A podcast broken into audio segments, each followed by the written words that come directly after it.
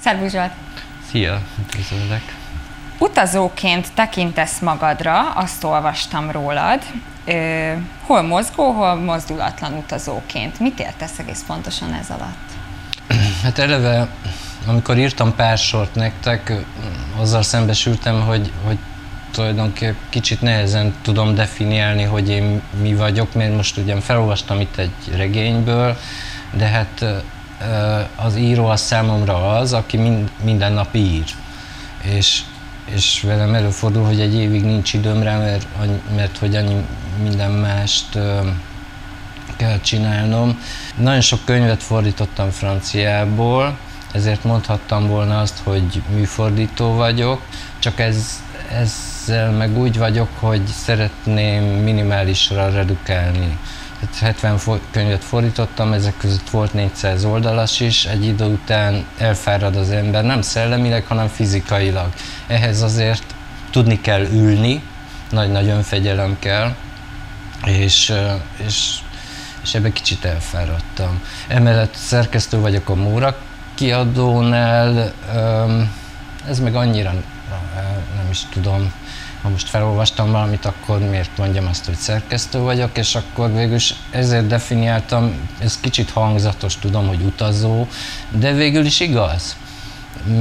Nak tekintem magamra nézve, mert hogy egyrészt imádok utazni olyan értelemben, ahogy a szószoros, az szószoros értelmi, értelemben, tehát ezek mindig nagy, nagy élmények, és amikor meg, meg itt vagyok Budapesten, akkor, akkor is azt hiszem, hogy utazgatok, tehát egyrészt, ha írok valamit, az is mindig egy utazás, hogyha könyvet fordítok, az is utazás, és ha mások könyveit szerkeztem, az is utazás. Ez a mozdulatlan utazás számomra. Maradjunk itt továbbra is egy kicsit ennél, ha már ugye utazónak nevezünk téged. Azt is mondtad, hogy amikor utazol, arra törekszel, hogy minden, ami számodra fontos, az elférjen egy bőrönbe. bőrönbe. Hogyha most ö, azt vesszük, ugye felszokták tenni az embernek azt a kérdést, hogyha elmennél egy lakatlan szigetre, mit vinnél magaddal. Én most tőled ezt úgy kérdezem meg, hogyha most az alap neszeszertől eltekintünk, akkor neked mi lenne a leges legfontosabb, ami bekerülne ebbe a bőröndbe? Létfontosságú. A sziget azért nem jó, a lakatlan sziget, mert hogy ugye amire szükségem lenne, az egy laptop, elsősorban. De egyébként, ha saját dolgot írok, akkor mindig kézzel írom az első verziót. Ez valamiért számomra fontos, egész másképp írok úgy, mint, mint eleve gépbe. Tehát lehet, hogy akkor ez már is kiesik, akkor sok-sok papír, sok toll, Um, pár ruha, ami belefér, és, és nagyon-nagyon sokat kéne gondolkodnom nyilván, hogy melyik az az 5-6 igazán fontos regény, amit szeretnék magammal vinni, de valószínűleg lenne 5-6 regény, és, és egyébként más nem. Tehát ez, ez, ez, ez viszont nem egy hangzatos szólam a részemről, így tényleg az utóbbi években azon kaptam magamat, hogy, hogy próbálok szabadulni a tárgyaktól, és, és sokkal fontosabb dolgokkal foglalkozni.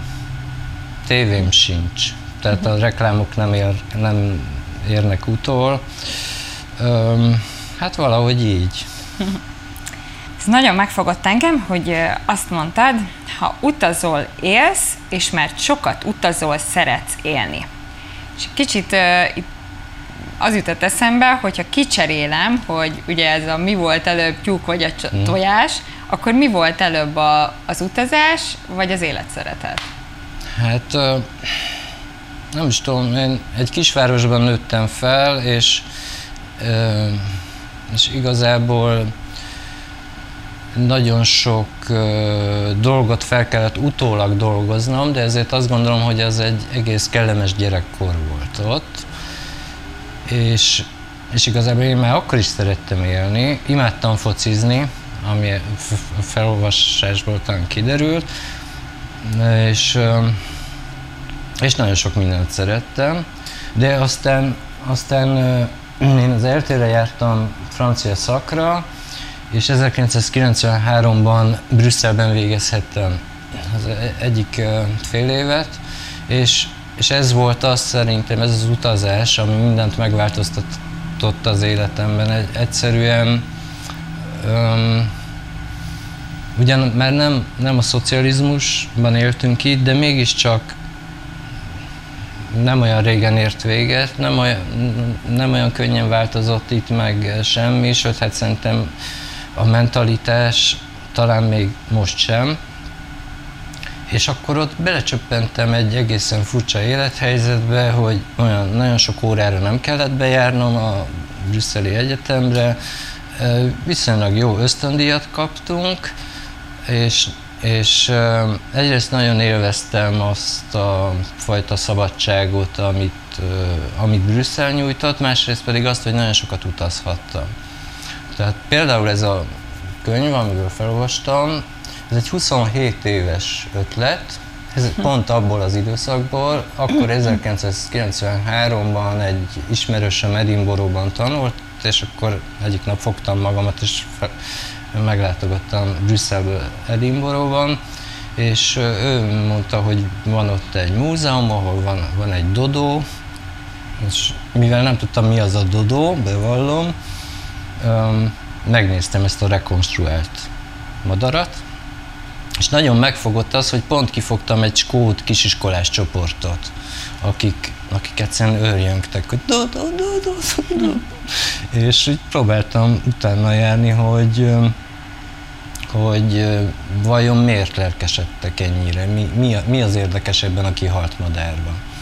És, de ez is azt bizonyítja, hogy ha utazik az ember, mindig történik valami, az utazás felfedezés, és azt hiszem ez, ez izgat engem. Hát Dodó valóban egy kihalt madár volt, ahogy mondod, de te ezt életre keltetted, és mégpedig 3D technikával, egy nyomtatóval. Szándékosan keverted bele ilyen értelembe az informatikát, vagy a technikát? Ugye, ahogy mondtam, ez egy 27 éve a fejemben kavargó ötlet. Én annak idején írtam egy, egy regényt belőle, amiről azt gondoltam, hogy meseregény. De ez nem az volt, ez egy szerelmes, szerelmi történet volt, felnőtteknek szólt, meseregény álcájában. És én ezt elküldtem a Móra kiadónak, és visszautasították. Teljes joggal. Most, hogy én szerkesztőként a Mórában dolgozom, és megkapnám ezt, azt a kéziratot, szintén kénytelen lennék visszautasítani. Mert nem gyerekeknek szól. És, és aztán sok-sok évvel később írtam egy újabb verziót belőle, de ott meg nem tudtam elszakadni kellően az eredetiből, eredetitől, és akkor most, most viszont nagyon-nagyon-nagyon sok mindent megváltoztattam az eredetihez képest, és hát végigpörgettem magamban, hogy, hogy egyáltalán hogyan, hogyan kerülj, fel. igen, hogyan támadhat fel. Tehát, és akkor ez valahogy így jött, hogy, hogy van ezen a szigeten egy jó kormányzó, akit nagyon érdekel a technika, és ő talál fel egy, egy olyan 3D nyomtatót, amivel eleven húsvér lényeket lehet nyomtatni, és az egyik egy dodó. Csak aztán ez rossz kezekbe kerül, és, és gonosz kezekbe, és végül spártai harcosokat kezd el nyomtatni valaki ezzel a szerkentyűvel. Ugye említetted, hogy műfordítóként is dolgozol, ami nagyon érdekes, mert ugye egy ilyen nagyon kettős gondolkozást igényel az embertől. A magyarhoz képest mennyire más a, a franciáknak ilyen értelembe vett gondolkozás, és amikor fordítasz, akkor mennyire kell a szavakon túl a, magát a mondani valót is lefordítanod? Hú, hát ez egy bonyolult kérdés. Eleve a francia nyelv, a mondatok struktúrája teljesen másmilyen. A magyar nyelv arra törekszik, hogy, hogy a cselekvéseket szépen sorba egymás állítja, kiment a szobából, az utcán meglátott egy nőt, rohanni kezdett utána. A francia körülbelül úgy mondja, hogy az utca, utcáról kimenve a nőt meglátva, és akkor jön a cselek, és rohanni kezdett, szaladni kezdett.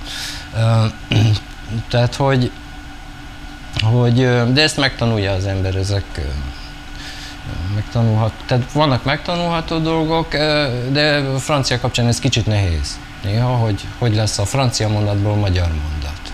Vagy ugye néha kicsit homályosan ír a, a, a szerző. Én mindig, mindig szoktam ezt a példát hozni, hogy, hogy Proustról ugye úgy tudjuk, hogy nagyon-nagyon hosszú, néha három oldalas mondatokat írt.